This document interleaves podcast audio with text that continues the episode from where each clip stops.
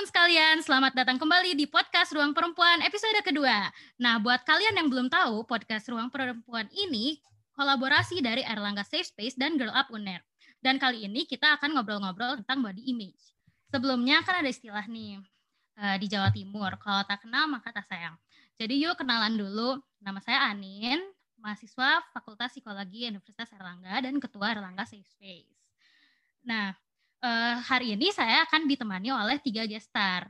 Yang pertama itu ada Mbak Salsa, boleh memperkenalkan diri. Halo teman-teman semuanya, perkenalkan aku um, Maulita Salsabila Zahra, biasanya dipanggil Salsa. Hmm, Alhamdulillah uh, tahun ini menjabat sebagai uh, Wakil Ketua BEM Fakultas Psikologi Universitas Erlangga dan kemudian uh, juga tahun lalu ditunjuk Alhamdulillah menjadi Mawapres satu Fakultas Psikologi juga dan uh, aku tadi udah, udah bilang belum ya kalau aku uh, angkatan 2017. Jadi uh, salam kenal, thank you. Oke, berikutnya boleh Mbak Almas memperkenalkan diri. Oke, halo semuanya. Perkenalkan, nama aku Almas Isfadila, biasa dipanggil Almas, Al, atau Ais gitu ya. Oke, aku sendiri dari Fakultas Ilmu Sosial dan Ilmu Politik, Prodi Ilmu Komunikasi, Angkatan 2017 kebetulan alhamdulillah aku salah satu apa uh, apa ya top 10 putri muslimah Indonesia 2019 terus juga Miss berbakat ini apa Miss Grand Indonesia Jawa Timur 2019 juga. Salam kenal ya semuanya. Oke, kita lanjutkan ke perkenalan yang Mbak Lady. Halo semuanya, perkenalkan aku Lady Rumbiak, Aku mahasiswi Fakultas Kedokteran Gigi UNER angkatan 2015 yang baru banget tanggal 10 Desember kemarin dinyatakan lulus sebagai dokter gigi. Terus juga aku pada tahun 2017 menjabat sebagai Putri Indonesia Papua Barat. Oke, okay, keren. Salam kenal. Keren-keren banget kan teman-teman? Oke, teman-teman pastilah ya kalau misalnya ngelihat ke kaca ada aja gitu insecurities uh, kayak misalnya ih kok kulit aku gelap banget ya atau enggak ih kok aku gendut banget sih atau enggak kayak ih uh, kok muka aku buluk banget ya banyak jerawatan berjerawat gitu nah itu uh, kami sih berharap dengan mendatangkan tiga gestar ini uh, gestar ini bisa memberikan inspirasi motivasi supaya teman-teman bisa mengubah uh, perspektif teman-teman uh, terhadap body image teman-teman sendiri. Nah, pertama aku mau nanya-nanya nih ke Mbak Alma sama Mbak Lydia. E, gimana sih rasanya mengikuti beauty pageant dari pengalaman Mbak Alma sama Mbak Lydia? Pernah nggak sih e, Mbak tuh ngerasa kayak harus memenuhi standar kecantikan tertentu? E, mungkin boleh dijawab dulu oleh Mbak Almas. Oke, hmm, sebenarnya tadi ketika bilang, aduh, kok mukaku gelap banget ya, aduh kok aku kayaknya buluk banget. Hmm, itu menohok ya. itu aku sebagai perempuan juga pasti pernah banget merasa kayak gitu. Oke, kembali ke pertanyaannya. Uh, sebenarnya pernah nggak sih ngerasa kayak gitu? Itu pernah banget gitu kan. Pernah pernah pakai banget gitu. Terus selain itu juga uh, gimana sih ng apa ngatasin ketika kita itu mempunyai pikiran seperti itu gitu. Nah, jadi ketika kita ada pikiran seperti itu, uh, kalau aku aku pribadi aku berusaha meyakinkan kepada diriku sendiri kalau aku tuh jauh jauh lebih baik daripada pikiranku sendiri gitu. Karena uh, pikiran itu sebuah monster buat aku gitu. Ketika aku bilang, "Ih, aku kok jelek banget," berarti aku bisa jauh lebih cantik daripada yang aku pikirkan. Itu sih menurut pengalaman aku ya. Oke, kalau gitu Mbak Lady bisa menceritakan pengalamannya? Uh, kalau soal pengalaman berkaca, terus ngeliat kayak, aduh kok aku hitam banget, kok aku jerawatan banget, itu pernah. Dan akhir-akhir ini juga aku merasakan, bahkan dari dulu juga kayak gitu. Tapi ya itu sebenarnya kalau bisa dipikir-pikir, kadang kita justru kayak jadi nilai diri kita, apa ya, kita menilai diri kita jelek gitu kan, Padahal itu diri kita sendiri kenapa harus kita nilai jelek. Cuma kalau dari aku pribadi sekarang nih aku udah di tahap kalau memang aku berkaca, aku melihat ada kekurangan yang yang aku anggap itu sebagai kekurangan, aku masih nggak apa-apa gitu.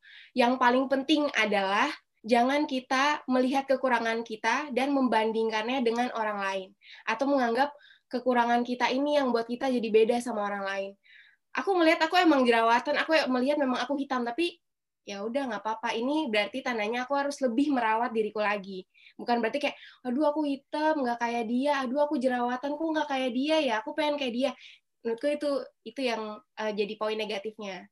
Bisa jadi positif kalau memang kita menjadikan itu sebagai cerminan diri kita untuk lebih merawat diri Oke, berarti Mbak Lady itu sudah mengalami journey lah ya dari yang sebelumnya merasa kurang pede sampai sekarang itu udah mulai uh, menerima dan berusaha untuk mencintai diri sendiri. Nah, terus kira-kira uh, Mbak Lady sama uh, Mbak Almas itu pernah sih nggak sih ngerasain uh, pengalaman body shaming? Kan tadi Mbak Lady cerita kan kalau misalnya uh, kulitnya uh, berjerawat. Uh, pernah nggak sih mungkin uh, ada ledekan-ledekan yang datang dari teman terdekat atau sahabat atau keluarga atau bahkan mas crush gitu?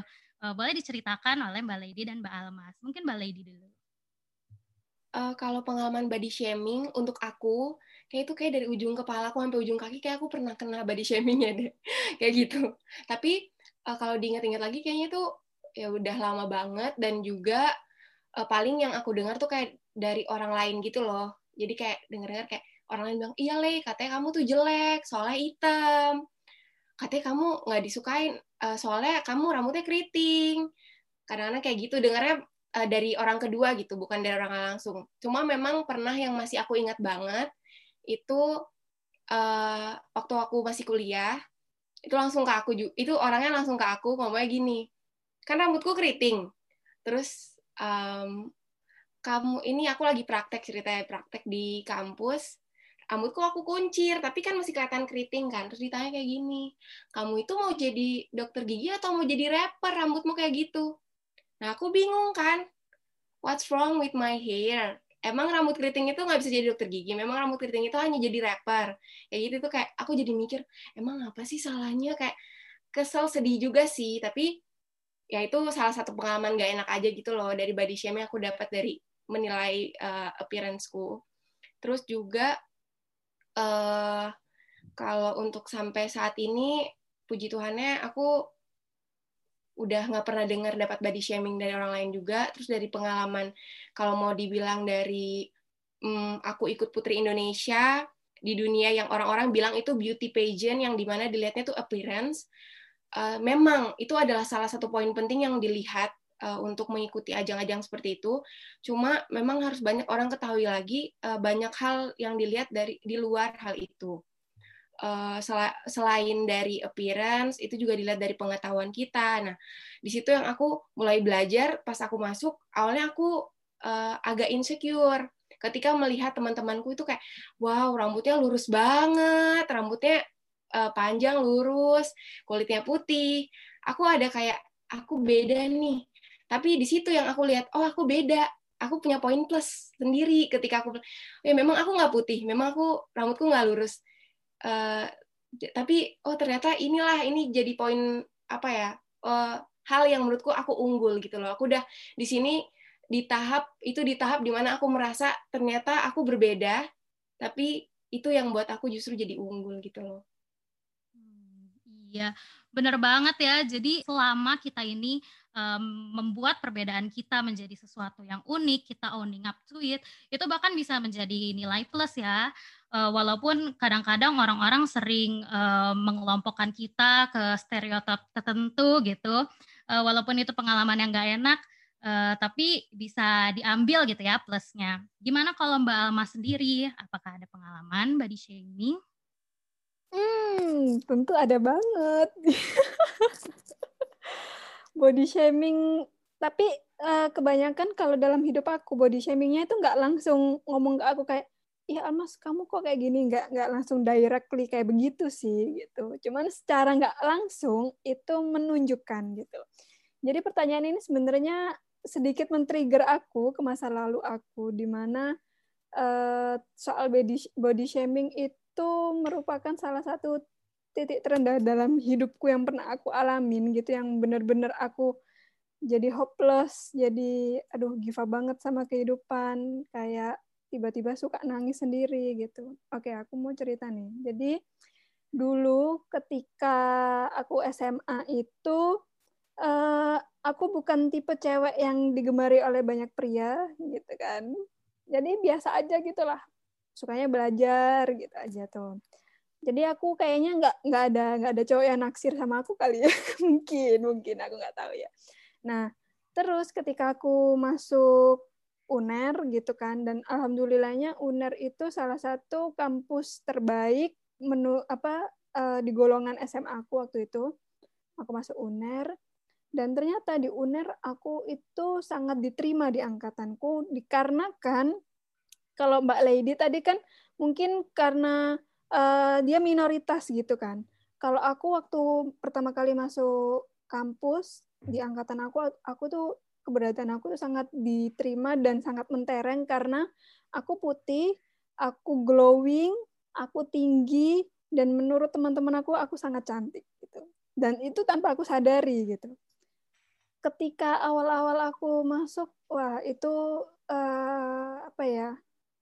Kata temen aku aku dikasih tahu kata temen aku kayak aku tuh jadi center uh, center orang-orang gitulah pokoknya gitu. Sampai akhirnya nah dari situ akhirnya ya banyak yang berteman sama aku. Ya namanya juga maba lah ya pasti beradaptasi gitu.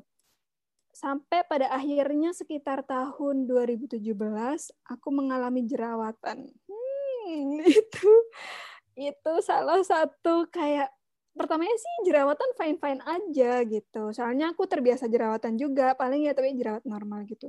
Tapi di tahun 2017 ini mulai nih jerawatnya itu nggak normal gitu. Jerawat abnormal yang tiba-tiba banyak terus habis gitu sampai merah. Kan kulit aku tuh putihnya putih merah bukan putih bukan putih kuning gitu. Jadi ketika jerawat satu nongol tuh itu bakal kelihatan banget gitu itu pertama jerawat satu, dua, tiga, empat, lima dan seterusnya gitu. Sampai pada akhirnya keberadaan jerawat itu merubah circle pertemananku. Bayangin aja gara-gara aku jerawatan aku kehilangan teman-teman aku. itu tuh aku kayak pertamanya sih nggak ngerasa, tapi lama-lama aku rasain kayak loh kok kayaknya mereka udah nggak berteman lagi sama aku gitu. Kenapa gitu dengan aku gitu. Oke, terus juga nih, uh, dan itu juga berdampak pada cowok-cowok yang deketin aku. Wah, mereka perlahan-lahan menyingkir nih. Hanya karena keberadaan jerawat aku yang abnormal ini gitu. Itu sangat aku rasakan ketika aku menyadari kayak, hmm, gini ya ternyata ya rasanya ketika menjadi seseorang yang tidak diterima gitu apalagi aku ber apa ya berkarir di dunia model yang mana itu menuntut aku untuk tampil cantik, untuk glowing dan semacamnya lah gitu. Nah, ketika aku jerawatan, awal-awal jerawat nih, aku ingat kayaknya ada jerawat tiga tuh di jidat aku gitu. Pergilah aku ke Fashion Week gitu kan. Aku dapat invitation ke Fashion Week ketika aku mau ngambil invitationnya ke Fashion Week ke salah satu orang gitu lah pokoknya. Bilang gini, ih kok Almas lagi jerawatan gini sih, gimana klien mau kalau modelnya jerawatan? Gituin. Iya, saya juga nggak mau kak kayak gini. Ya nanti sembuh sendiri ya mas gituin. Terus habis ambil invitation sambil ngelihat Fashion Week tuh, aku tuh apa nggak sakit hati tapi jadi mikir gini, ya juga ya kalau aku jerawatan gini gimana aku mau foto gimana aku mau uh, berkarya dan berkarir di dunia modeling gitu kan. Nah akhirnya sampai situ tuh aku kepikiran makin kepikiran. Sakit hati enggak? Kepikiran iya gitu. Kepikiran banget. Akhirnya aku effort tuh gimana caranya menyembuh menyembuhkan jerawat aku. Semakin aku menyembuhkan semakin dia parah dan itu benar-benar kayak wah merubah sangat merubah hidupku. Dan akhirnya di situ aku belajar banyak tentang kesabaran, pendewasaan diri, kemudian juga apa ya membedakan gitu mana yang uh, real friend mana yang bukan real friend gitu. Terus juga itu benar-benar mendekatkan diriku kepada Tuhan aku uh, yang mana aku kan muslim ya kan. Jadi aku benar-benar bisa beribadahnya tuh lebih-lebih lagi gitu dan ya itu sih aku dapat banyak hikmah dari soal body shaming itu kayak gitu Oke, jadi body shaming ini ada dampak buruknya ya, jadi kerasa banget gitu uh, sama Mbak Almas. Tapi uh, untungnya Mbak Almas ini bisa mengambil uh, positifnya. Uh, sebelumnya kita tanya dong ke Mbak Salsa dari perspektif uh, mungkin bisa menjelaskan dari perspektif psikologi gitu ya. Apa itu body shaming dan mengapa hal itu bisa terjadi? Apakah ada hubungannya dengan beauty standard?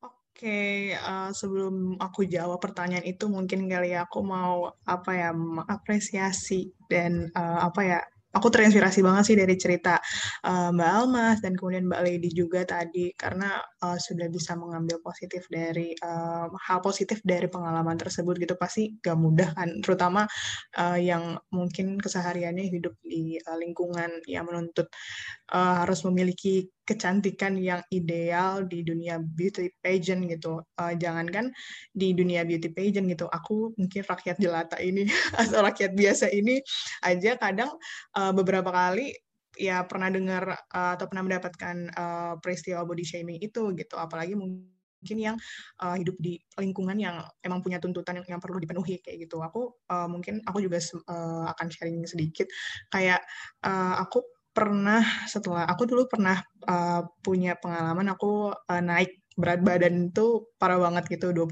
kiloan. Terus uh, pas itu tuh kayak bertahap gitu kan mulai dari aku SMA terus ke kuliah dan kemudian kalau kalau misalnya aku balik dari Surabaya gitu misalnya pulang aku kan asli Bogor terus ketemu teman-teman SMA terus kayak mereka tuh uh, pertama kali lihat kayak ih Sal kok lo gendutan sih, Sal kok lo gini sih, dan segala macem gitu kan. Terus kayak aku ya emang bener sih sebenarnya, tapi itu agak menyakitkan gitu loh. Dan kenapa itu menjadi sebuah um, apa ya sesuatu hal yang yang uh, jadi komentar yang pertama kali uh, di, diberikan saat kita pertama kali ketemu gitu. Padahal kan bisa nan bisa yang lain gitu. Kan kenapa harus itu hal yang pertama di uh, apa ya di pointing out gitu loh sama orang-orang. Walaupun mungkin itu nggak nggak uh, berniat untuk ngeledekin atau gimana. Cuman mungkin itu menjadi sebuah apa ya sebuah tradisi. Sempat juga dibahas waktu itu sama dosenku di uh, fakultas. Kalau misalnya emang di Indonesia ini emang hidup masyarakat Indonesia ini emang hidup di mana uh, standar sosial itu sangat berlaku. Kayak kalau misalnya ketemu, kalau nggak komentarnya gendutan atau misalnya udah kuliah di mana, terus kayak hal-hal yang gitu lah. Dan ini kan terkait dengan standar gitu ya, standar sosial. Nah, balik lagi ke body shaming gitu. Body shaming itu adalah uh, suatu tindakan menghina bentuk fisik orang lain yang tidak sesuai dengan standar ideal. Nah, ini tuh bisa bentuk uh, dalam bentuk ucapan, bisa dalam bentuk tindakan gitu.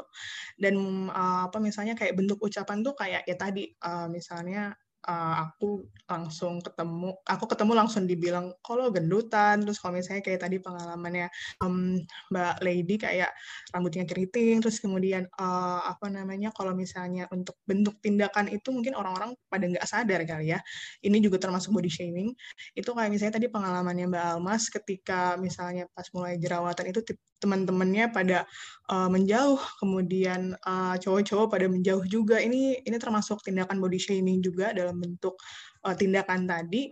Dan kemudian body shaming itu juga mencakup segala aspek fisik gitu, bukan cuman uh, kayak uh, berat badan atau kulit kayak gitu, tapi ya banyak aspek bisa dari uh, warna kulit, tinggi badan, dan kemudian bentuk tubuh dan kemudian aspek-aspek lainnya lah. Jadi ini tuh uh, apa ya semua yang terkait tubuh ini juga termasuk uh, body shaming ketika dilakukan uh, un un untuk uh, apa ya menghina karena tidak sesuai dengan standar ideal dan uh, body shaming ini juga sebenarnya bisa dikategorikan sebagai tindakan bullying karena merupakan sebuah bentuk kekerasan verbal maupun non verbal dan ini pasti uh, punya dampaknya terhadap korban dari uh, body shaming itu gitu. Dan tadi pertanyaannya kenapa sih seseorang melakukan body shaming gitu kan?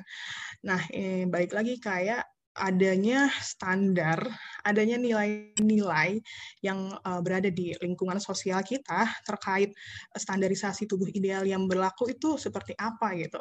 Dan uh, standar ini tuh menuntut setiap orang uh, yang berada di lapisan masyarakat itu untuk me, uh, memenuhinya kayak gitu. Dan masalahnya standar tubuh ini kadang tuh nggak ideal gitu, nggak realistis lah. Dan uh, apa namanya, misalnya kayak contohnya lah di Indonesia di Indonesia tuh mungkin standar ideal itu adalah wanita yang kulit putih, tinggi, langsing. Padahal harusnya yang kita tahu adalah uh, Indonesia adalah negara di Asia Tenggara yang sebenarnya dasar kulitnya itu bukan kulit putih gitu. Dasar kulitnya itu adalah kuning kan kalau nggak salah. Dan dan balik lagi itu juga kayak kita kan uh, terpisah geografisnya ya. Ada Jawa, ada Kalimantan, ada Papua dan ini juga punya uh, apa namanya punya uh, kayak apa sih dasar um, bentuk tubuh atau misalnya kayak warna kulit juga yang berbeda. Itu kan banyak pengaruhnya dari kondisi geografis dan kemudian keturunan dan segala macam gitu. Dan tapi tetap aja di seluruh Indonesia standarnya sama putih tinggi uh, langsing untuk wanita kayak gitu. Dan uh, mungkin dan nggak uh, adilnya. Nggak adilnya adalah uh, standar kecantikan itu lebih berlaku lebih ditekankan sama perempuan gitu. Um, karena kayak apa ya wanita tuh kayak lebih banyak tuntutan untuk memenuhi standar ini gitu. Walaupun well uh, laki-laki juga sebenarnya berlaku juga ini body shaming tapi kayak mungkin uh, detail yang lebih spesifik ini lebih banyak ada di perempuan kayak gitu. Dan apa namanya ini tuh bisa berpengaruh ke uh, standar ini tuh bisa berpengaruh ke bagaimana cara orang melihat uh, kayak tubuh orang lain, melihat penampilan orang lain, dan akhirnya karena ada standar tersebut bisa di, um, orang-orang tuh bisa menilai ini sesuai atau enggak, ini ideal atau enggak, dan akhirnya karena orang merasa oh dia nggak ideal, jadi akhirnya mereka uh, melakukan body shaming gitu. Padahal sebenarnya standar ideal itu tuh juga ya apa ya nggak uh, dibentuk bukan atas dasar mungkin pemikiran yang yang uh, realistis dan uh, emang benar-benar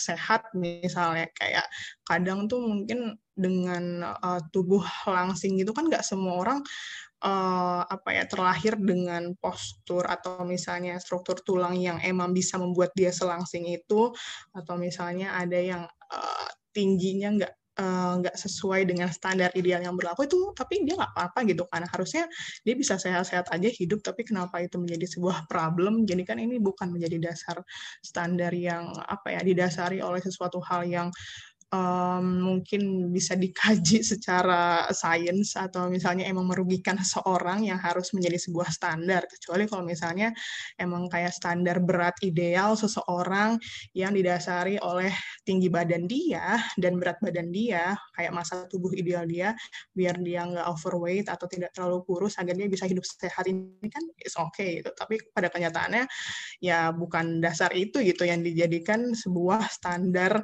di uh, masyarakat gitu. Itu sih Anin. Tadi udah nanya dampak belum ya kamu? Belum kan?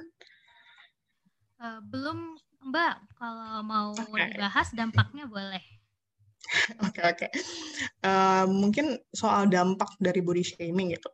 Dampaknya ini pasti kayak uh, ber, akan berpengaruh banget ke kondisi psikologis dari korban yang mengalami body shaming itu gitu. Dan uh, ini tuh akan mempengaruhi uh, perspektif dia terkait citra positif terhadap tubuhnya, di mana uh, ini tuh akan membuat dia kayak berpikiran tentang dirinya sendiri yang memaksa dia untuk memenuhi standar uh, yang tidak realistis itu.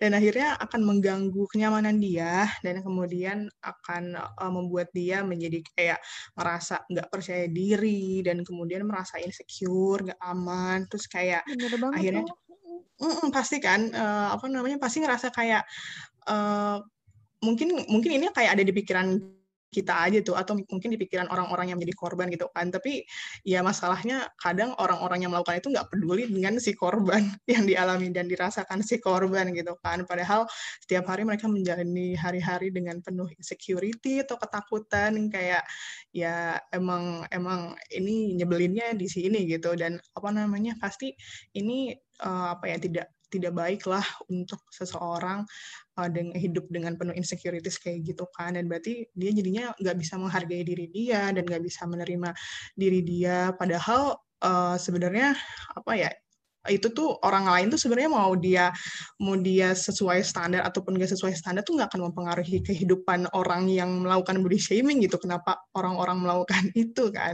Kayak emang kita harus hidup memenuhi memenuhi uh, apa keharusan yang mereka buat kan? Enggak gitu loh dengan ada yang seperti itu malah kayak si korban malah diterpenuhi dengan ketakutan-ketakutan dan kayak uh, merasa dirinya nggak cukup segala macam dan harus memenuhi standar orang lain gitu. Dan uh, ini sih yang mungkin harus kita kita sama-sama uh, perbaiki. Setidak-tidaknya dimulai dari diri kita sendiri untuk bisa memiliki apa ya um, perspektif akan diri kita yang lebih baik dan tidak terlalu terpaku oleh standar yang dibuat oleh uh, teman-teman atau di lingkungan sosial kita. Kayak gitu. Oke, bener banget tuh. Berarti kalau misalnya udah mengakar di masyarakat nih beauty standar itu bakalan PR banget kan untuk ngubahnya dan itu tuh salah satu uh, dampak eksternal buat uh, bagaimana perspektif kita untuk melihat diri kita sendiri gitu. Kan tadi Mbak Lady sudah menceritakan sedikit journey Mbak Lady untuk overcome dari body image yang negatif ke yang positif. Nah, boleh nggak diceritain seberapa lama Mbak Lady berproses untuk merubah body image? Mungkin boleh diceritain lebih kayak apa triggernya dan berapa lama Mbak Lady bisa mempunyai body image yang seperti sekarang? Uh, itu tuh kayak proses untuk menyadari itu tuh berapa lama gitu. Mungkin ada beberapa trigger atau wake wake up call yang benar-benar ngebuat Mbak Lady itu uh, bangkit lagi gitu. Walaupun banyak ledekan dari orang-orang.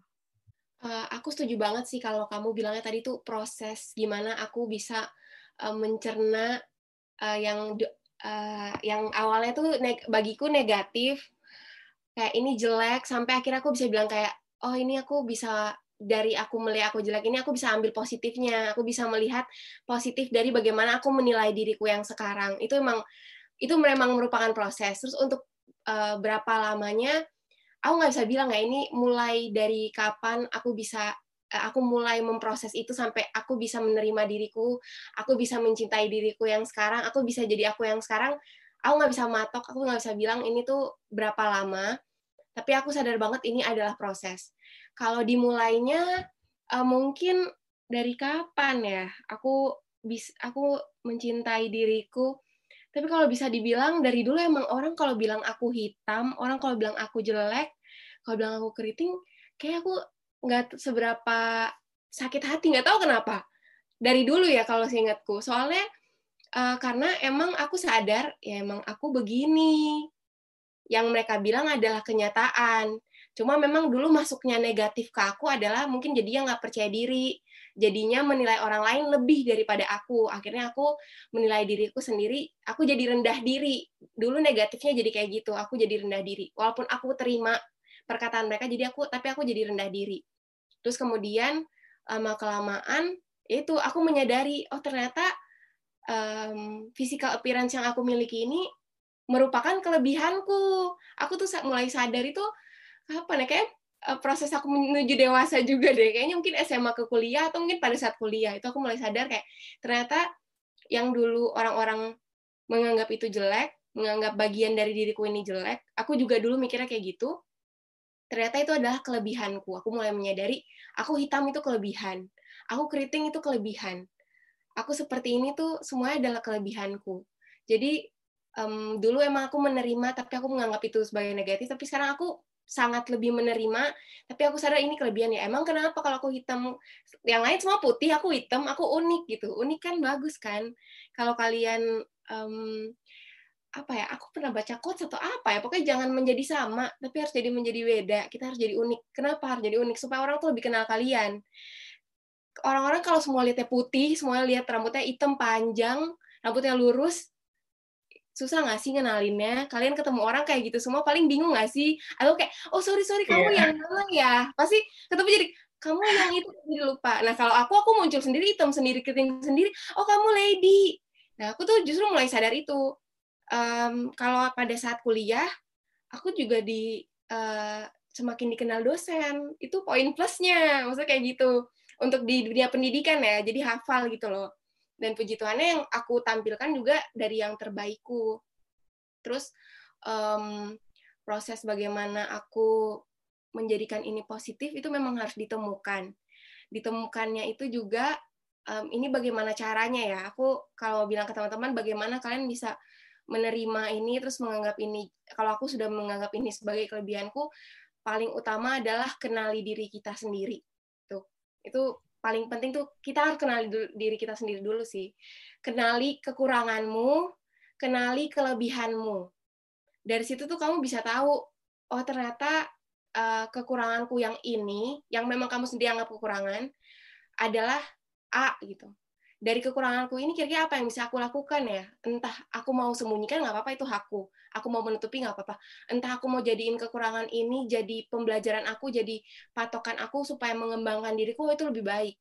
Terus kalau kelebihan ketika kamu mengenal kelebihanmu, kamu nggak bakal insecure even melihat kelebihan orang lain karena kamu sadar kelebihan uh, kita sama orang lain tuh berbeda-beda. Kamu aku kelebihannya di bagian A, dia di bagian B kamu even kamu lihat orang lain tuh punya kelebihan apa pun kamu sadar aku juga punya kelebihan gitu loh. Kenapa aku harus mau jadi orang lain? Kenapa aku harus mau kelebihan orang lain? Karena aku juga punya kelebihan. Kayak gitu. Jadi kenal saran dari aku bagaimana aku bisa proses sampai sekarang tuh aku mengenali diriku sendiri kekurangan dan kelebihanku sampai aku bisa menerima. Oke, kalau dari Mbak Alma sendiri, eh, apa sih body image menurut secara personal buat Mbak Almas? Dan gimana perspektif Mbak Almas terhadap body image Mbak Almas sendiri kayak gimana? Hmm, oke. Okay. Berarti ini pertanyaan buat aku tentang body image ya. Kalau menurut aku body image itu merupakan sebuah ekspektasi manusia terhadap manusia lainnya terkait standar uh, standar tubuhnya gitu. Standar tuh misalnya aku melihat A, aku aku mempunyai ekspektasi terhadap ah kayaknya dia tuh lebih cantik kalau kayak gini gini gini gini gitu. Kayaknya dia lebih ganteng kalau dia tuh gini gini gini itu body image. Terus body image uh, dalam keseharianku itu sebenarnya aku kalau soal body image itu aku wajar-wajar aja sih mewajari orang kalau orang itu juga punya ekspektasi terhadap diriku gitu. Aku menerima aja gitu kalau orang lain berekspektasi kalau aku itu harus cantik, aku tuh harus slim, aku tuh harus ya segala macem lah gitu. Uh, tapi terkadang yang membuat itu salah adalah ketika perkataan, ketika tindakannya itu menyakiti gitu. Nah, uh, itu tuh berlaku kepada semua orang, nggak cuma orang lain kepada kita, tapi kita juga kepada orang lain gitu.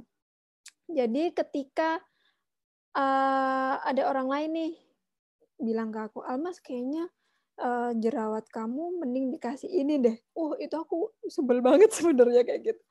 Emang kamu kira aku gak berusaha untuk menyembuhkan jerawat aku gitu kan? Ya, tapi aku mewajari bahwa orang lain ini mempunyai ekspektasi di mana dia tuh ingin uh, jerawat aku sembuh gitu kan.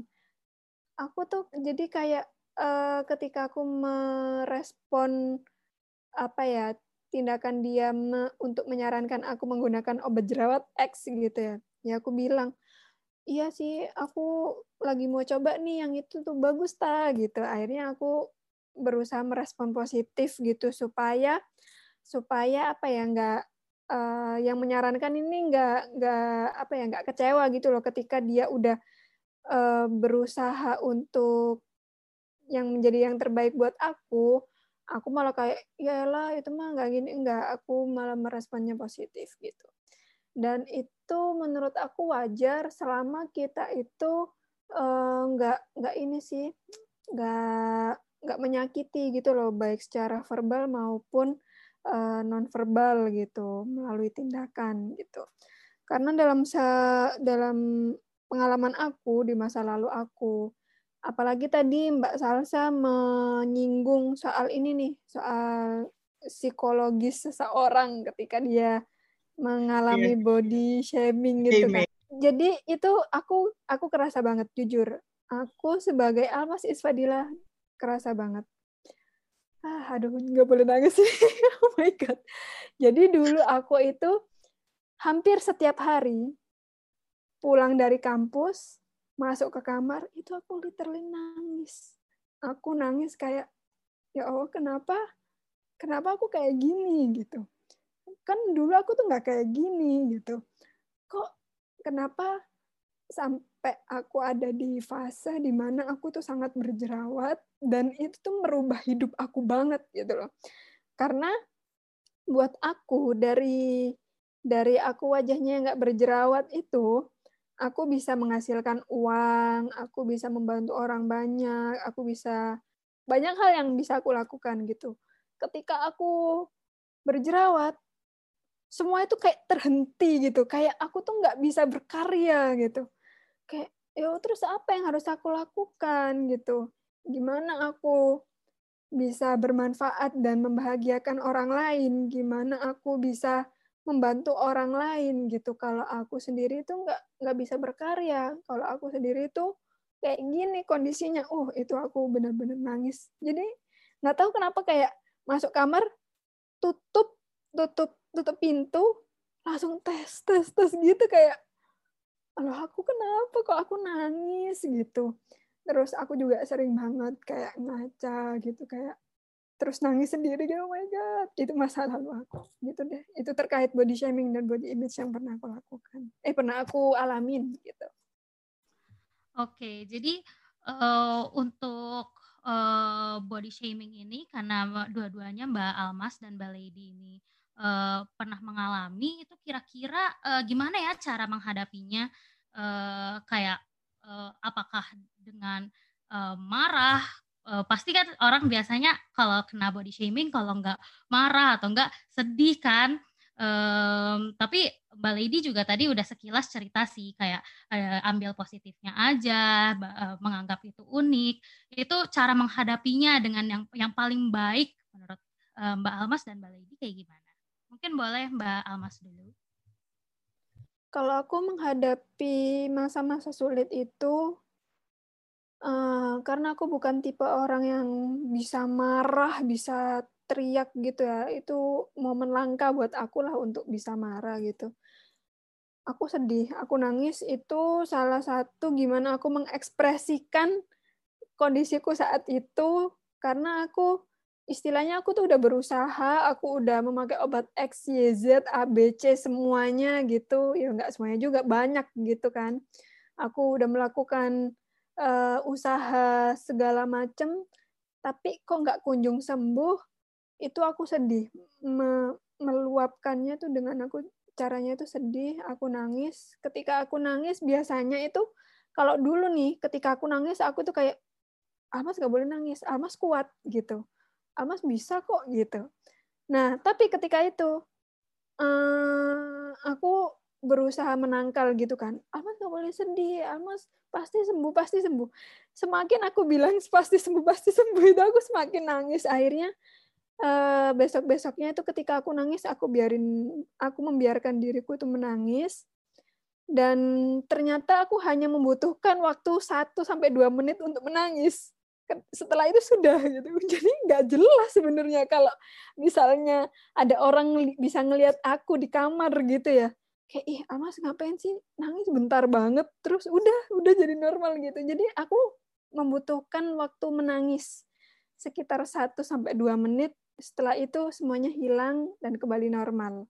Aku udah nggak sedih lagi dan aku bisa beraktivitas mau belajar mau nonton YouTube mau ngapain aja bisa gitu.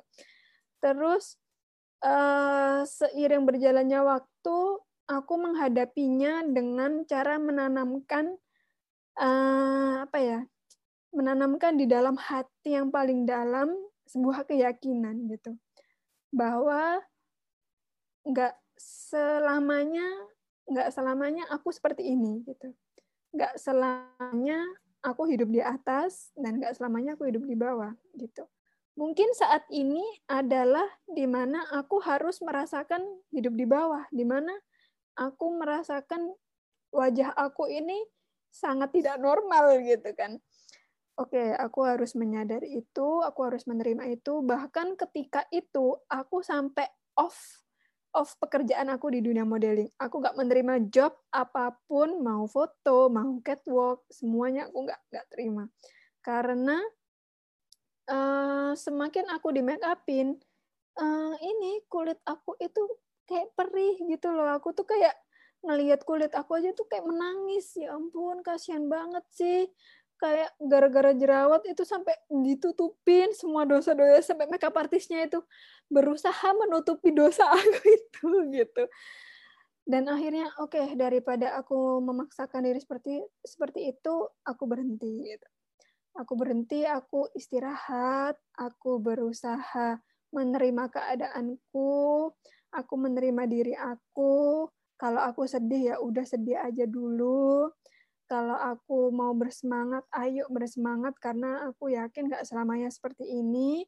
Dan sampai detik ini aku juga masih berusaha dan meyakinkan diriku bahwa aku eh, nggak uh, selamanya seperti ini. Aku bisa selama aku apa ya, selama aku mau berusaha dan berdoa gitu sih.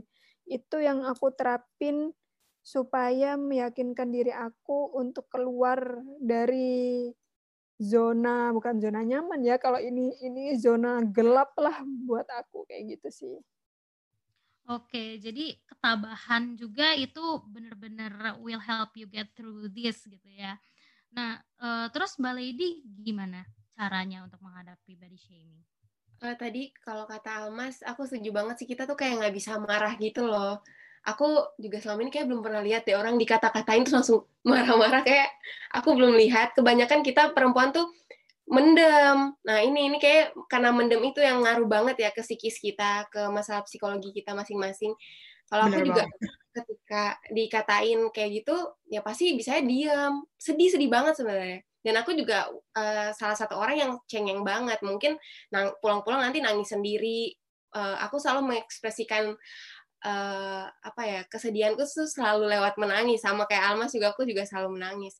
Tapi untuk uh, emang masalah ketika kita menerima suatu perkataan yang kita menganggap ini kayak aku di body shamingin deh. Kayak dia ngatain maksudnya kayak uh, mengeluarkan kata-kata yang menurut aku sebenarnya nggak seharusnya dia katakan. Kayak atau termasuk golongan kata-kata yang um, body shamingin aku. Cuma emang terkadang yang harus kita uh, sadari juga kadang orang itu nggak bermaksud mau uh, ngebody shamingin kita gitu loh. Mungkin tadi kalau kata Almas kan ada temennya, coba deh pakai obat jerawat ini gitu. Mungkin kan maksudnya dia mau help gitu, mau membantu kita. Tapi kita kan menerimanya beda-beda juga ya masing-masing orang. Mungkin ada yang kayak, oh terima kasih. Tapi ada juga yang kayak, ya udah aku juga berusaha. Kenapa kamu mesti bilang lagi? Kamu nggak usah bilang juga aku tahu. Atau mungkin orang kadang ada yang um, niatnya mengingatkan, niatnya baik banget gitu loh. Tapi emang uh, dia nggak tahu gimana uh, kondisi mental kita juga untuk menerima kata-kata itu. Ini memang kaitan erat banget sih soal psikolo ke psikologi. Karena masing-masing orang dibilang satu kalimat aku bilang ke Almas aku bilang ke Salsa aku bilang ke Anin itu responnya pasti beda-beda. Dan um, kita juga harus um, mulai juga itu semuanya dari diri kita ketika kita um, dianggap uh, kita menilai orang lain sedang merendahkan kita atau sedang mengatakan satu hal yang mengungkapkan body shaming ke kita uh, first kalau emang kita udah udah bisa menerima maksudku udah uh, bisa berpikir positif lah ini kalau udah bisa ya aku beda lagi kalau emang orang yang lagi mentalnya lagi emang nggak kuat gitu. Itu kita harus menerima bahwa oh mungkin dia nggak bermaksud seperti itu mungkin itu mungkin yang kita bisa ambil. Pemikiran yang pertama adalah itu. Yang kedua ketika kita kalau sedih karena kata-kata itu nangis nangis aja kata nangis nangis aja mau sedih sedih aja. Apa pun yang mau kita ungkapkan dari perasaan itu ekspresikan aja gitu loh kita nggak salah. Terus dari situ baru kita bisa men, setelah kita udah puas mengekspresikan uh, perasaan kita nah itu baru biasanya muncul pikiran jernih. Mungkin dari situ kita baru bisa mencerna oh mungkin orang ini maksudnya kayak gini atau oh mungkin um, ini bisa jadi pembelajaran buat aku supaya aku merawat diriku lebih lagi atau mungkin supaya aku lebih belajar lagi kayak gitu. Jadi um, aku berpikir ini sebenarnya kita harus sebenarnya kasih apa ya memberikan mental kita tuh benar-benar kita penuhi mental kita agar bisa menerima hal, bisa memproses hal-hal dari luar itu sebagai hal yang positif. Nah ini kembali lagi sih itu yang aku bilang kita benar-benar butuh banget psikolog itu benar-benar supaya kita tuh sendiri memahami gitu loh mental kita. Kita masing-masing tuh banyak yang belum sadar. Aku bi aku mungkin bisa bilang aku sekarang udah bisa nerima orang ngatain aku apa. Tapi masalah ada orang masih ada orang lain yang belum bisa menerima. Dan itu mungkin mereka masih belum tahu aku harus ngapain ya kalau memang belum tahu ya itu saatnya sekarang kayak emang aku menurutku itu udah penting banget. Kamu kalau nggak bisa um, bingung mau ngapain bingung soal uh, perasaan kamu mungkin uh, satu-satu cara mungkin biasanya kita pikir kita curhat ke teman. Tapi di saat-saat ini juga teman kadang tuh justru makin buat kita ini emang kayak salah satunya kamu kalau emang ya itu kita konsulnya ke orang yang lebih um, berkompetensi. Mungkin kita bisa lebih curhat ke psikolog. Terus sekarang juga udah banyak aplikasi yang help mental health kita, udah banyak uh, komunitas, udah banyak yang ini kayak Girl Up atau enggak uh, Safe Space yang UNER. Itu menurutku tempat-tempat yang sangat penting supaya kita tuh bangun mental health kita.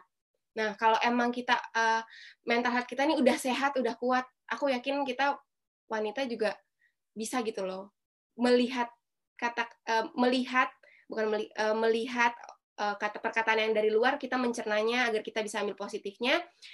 Selain itu juga kita sebagai mungkin pelaku-pelaku body shaming kita tanpa kita sadari bisa lebih berpikir kayak oh mungkin aku kalau mengatakan ini ke orang ini sebaiknya seperti ini. Atau oh mungkin seharusnya aku nggak mengatakan ini ke orang lain. Kita jadi makin mengerti gitu loh bagaimana kita uh, treat each other sesama manusia manusia tuh kayak gimana. Itu semua ya itu kita harus penuhi lagi mental health kita itu bener-bener aku ngedukung banget kalau orang ngomong soal mental health itu penting tuh aku setuju banget sih mungkin dari salsa mungkin aku aku pengen banget tahu gitu loh dari salsa gimana sih sebenarnya kita tuh bisa mengolah ini dari mental kita gimana untuk ngadepin gini gitu dari bidang psikologi mungkin salsa dari salsanya Oke, okay. mungkin dari Anin dulu ada yang mau nanya dulu, terus sekaligus aku mungkin gabungin. Iya, sebenarnya aku cuma mau uh, ini aja sih nyambungin. Jadi uh, Mbak Lady itu mungkin uh, ini ya apa sih memberikan saran uh, itu sama kayak teori Lazarus uh, coping stress. Jadi kalau misalnya kita mendapatkan stres ini kan pasti uh, kita dapat body shaming, kita dapat stres kan.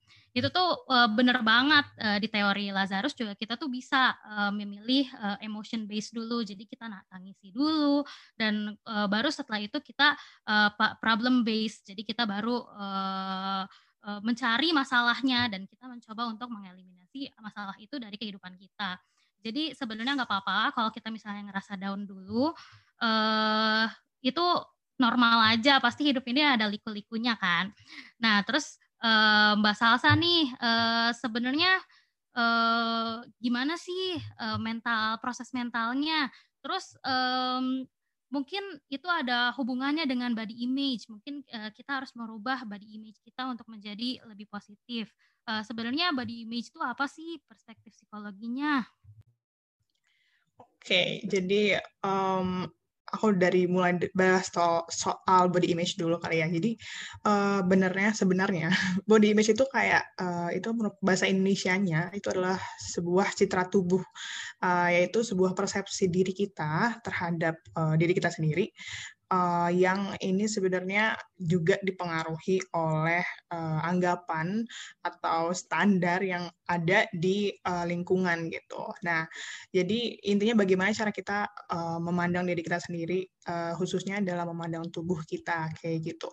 Nah, ini tuh ada yang positif, ada yang negatif. Kalau yang positif itu mungkin contoh konkretnya kayak uh, tadi ceritanya Mbak Lady ketika melihat dirinya uh, keriting, hitam, itu nggak apa-apa gitu. Walaupun standar di uh, lingkungannya itu menuntut putih, uh, kemudian rambut lurus gitu. Tapi uh, Mbak Lady kayak merasa itu adalah keunikan dirinya dan itu merupakan sebuah contoh dari citra tubuh yang uh, positif gitu. Jadi sebenarnya terkait body shaming juga uh, body shaming ini uh, tidak akan terlalu berdampak uh, dalam secara psikologis terhadap orang-orang yang punya uh, keyakinan terkait body image-nya yang positif kayak gitu. Kalau misalnya contoh yang negatif, misalnya uh, aku nggak mau uh, apa namanya, aku nggak mau pencitraan, aku jujur aja masih masih agak insecure dengan diriku sendiri gitu. Aku masih uh, memiliki body image yang cukup negatif terhadap diri aku sendiri.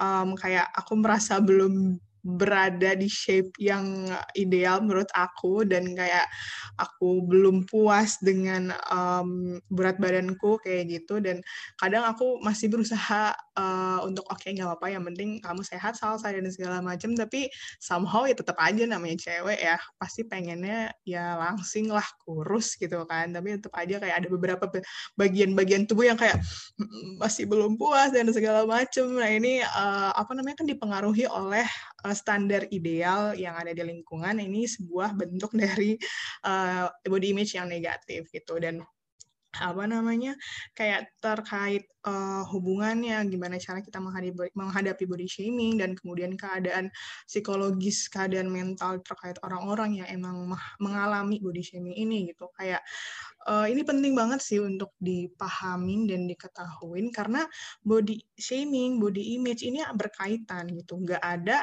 uh, body image, nggak kita nggak akan membentuk um, nggak akan membentuk citra tubuh kita uh, kalau misalnya nggak ada standar yang dibuat orang-orang dan standar ini juga terkadang itu menyebabkan uh, body shaming gitu. Jadi ini kayak uh, apa ya?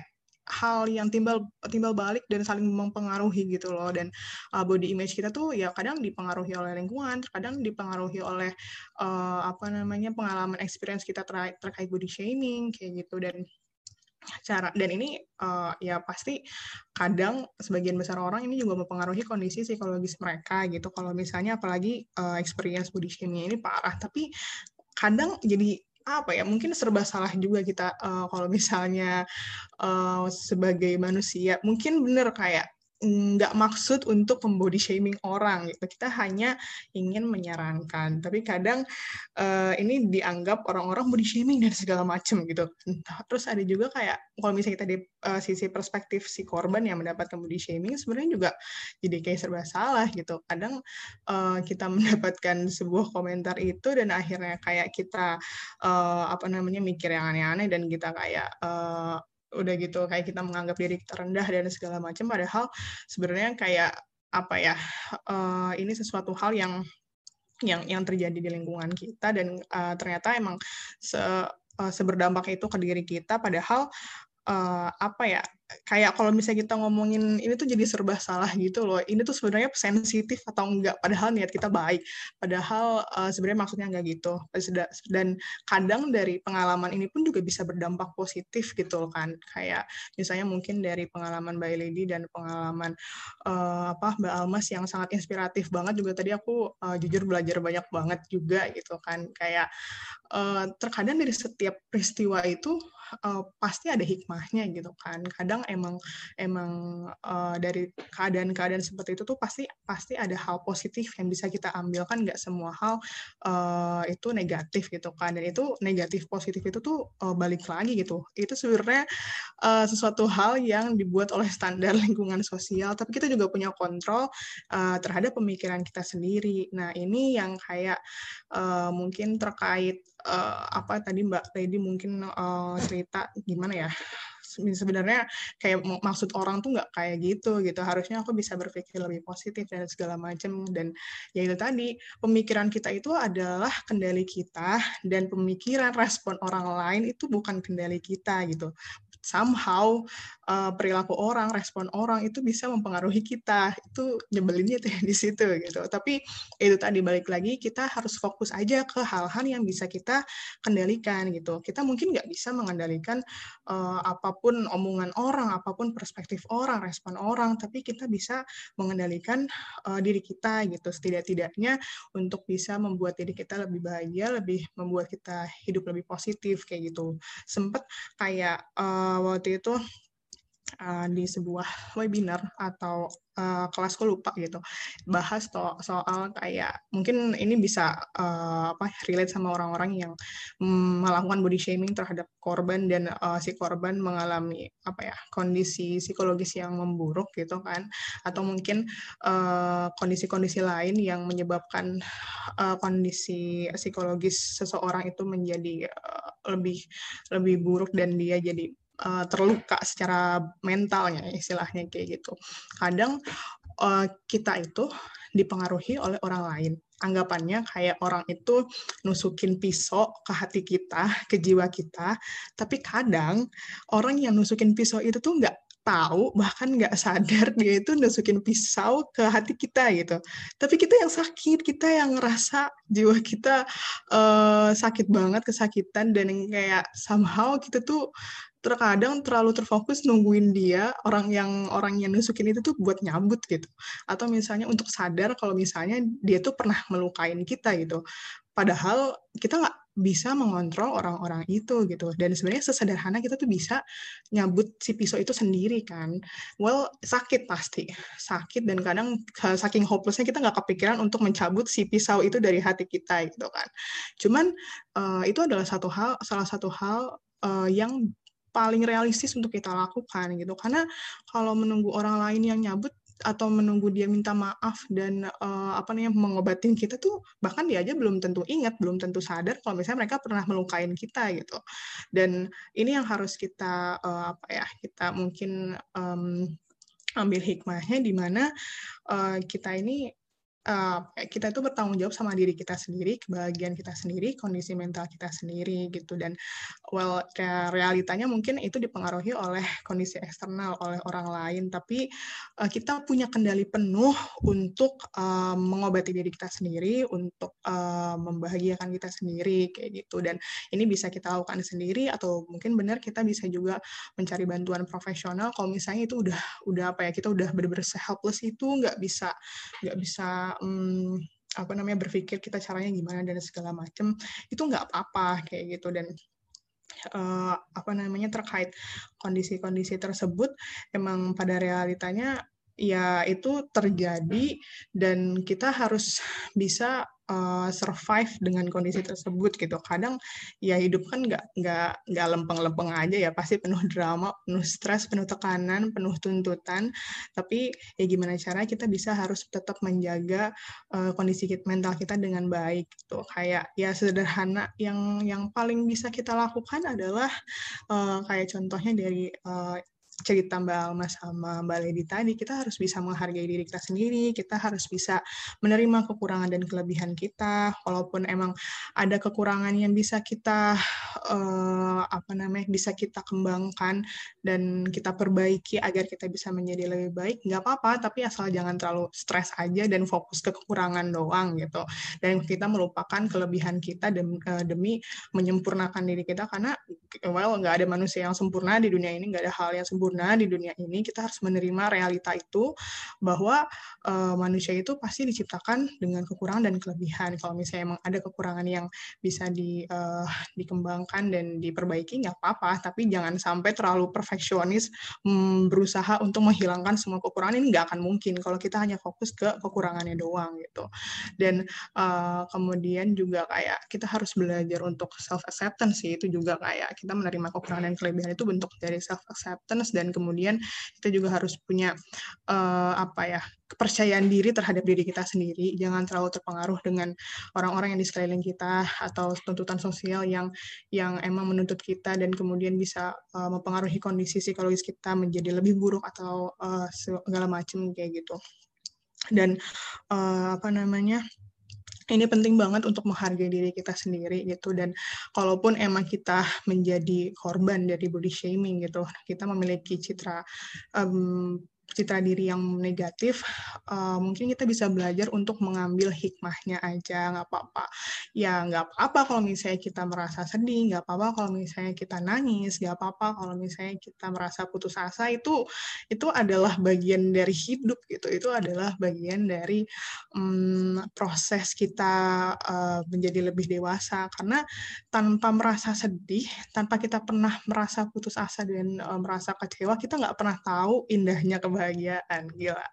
Soalnya uh, apa waktu itu pernah tuh di webinarnya Asap juga uh, itu bahas kayak soal film Inside Out kan ada Joy sama eh Joy namanya happiness apa Joy sih? Joy ya.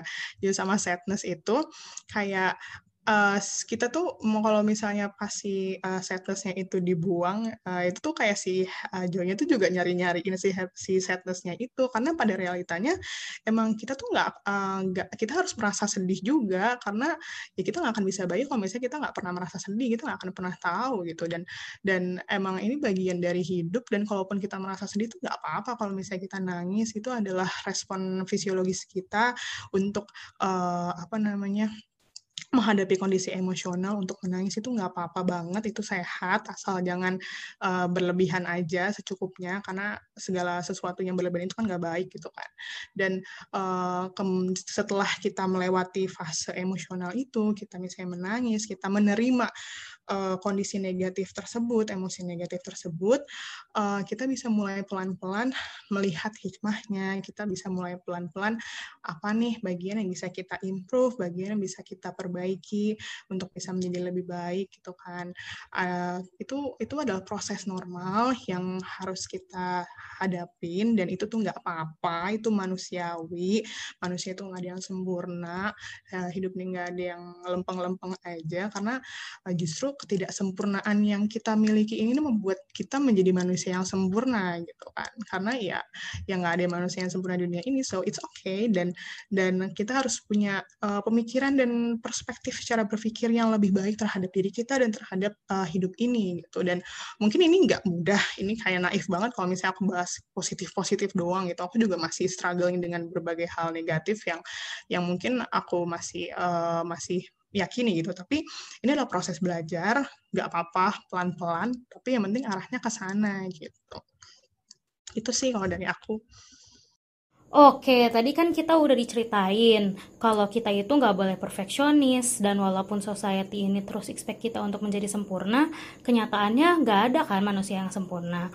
Kalau gitu gimana ya caranya untuk kita bahagia dan mencintai diri sendiri? Boleh dijawab oleh Mbak Salsa. Mungkin kalau aku boleh nggak melempar ke apa Mbak Lady sama Mbak uh, apa Mbak Almas mungkin kayak bagaimana caranya dan kayak kan pasti perspektif dan kunci kebahagiaan setiap orang beda-beda ya. Mungkin kita bisa nanti sharing-sharing sharing. Oke. Okay. Boleh siapa dulu? Aku dulu atau Mbak Lady dulu? Almas dulu nggak apa-apa. Oke. Okay menurut pengalaman aku gimana pada akhirnya aku bisa mencintai diri aku itu ketika aku ngaca. itu sih ini ter, mungkin terbilang konyol ya, terdengar konyol gitu. Cuman faktanya begitu gitu.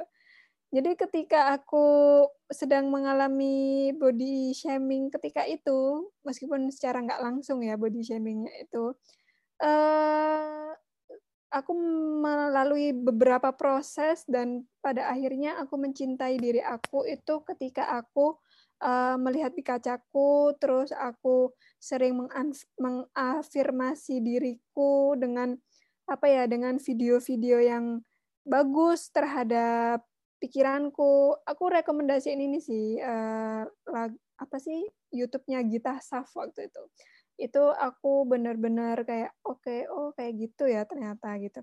Nah Gita Savitri Devi itu juga dia sharing tentang body shaming gitu lah. Jadi aku terinspirasi juga dari dia dan aku di sisi lain juga sering ngaca gitu. Meskipun ketika itu aku merasa diriku jelek aku tetap aja ngaca untuk mencintai. Aku beneran ya kayak di depan kaca itu bilang kayak gini halo Almas, ya ampun kamu cantik banget sih, gitu. demi untuk mencintai bukan demi ya karena aku harus mencintai diri aku. Gitu sih. Kalau aku eh, itu yang tadi aku udah sempat bilang uh, kenali bagaimana aku bisa mencintai diriku yang sekarang menerima diriku yang sekarang tuh diawali dengan aku mengenali diriku mengenali kekurangan dan kelebihanku. Ketika aku tahu uh, aku punya kelebihan ini ya itu aku aku cinta banget sama diriku gitu loh. Aku kayak wow lady gitu loh. Kamu punya kelebihan ini yang orang lain belum tentu punya. Terus untuk ketika aku mengenali kekuranganku pun aku jadi tahu bagaimana aku mengatasinya. Jujur aku juga punya insecurity tapi justru karena aku kenal insecurityku aku kenal apa kekuranganku aku bisa nutupin sampai orang, -orang tuh nggak lihat ini kalau dari physical appearance gitu. Aku sebenarnya punya gitu. Tapi aku karena aku tahu aku kenal aku bisa tutupi. Dan aku tahu aku punya kelebihan aku bisa show off kelebihanku. Why not gitu loh? Kan ketika kita lihat orang lain kan kayak wah dia punya kelebihan gitu dan siapa sih yang orang-orang pengen nunjukin kekurangannya? Nggak ada kan? Ya kita juga kenapa kita harus nunjukin kekurangan kita? Secara tidak langsung kita ketika sedih iya gini aku gini aku jelek. Aduh iya aku jerawatan. Itu justru yang kita show off itu bukan kelebihan kita tapi kekurangan. Kalau emang itu kita ngerasa kekurangan.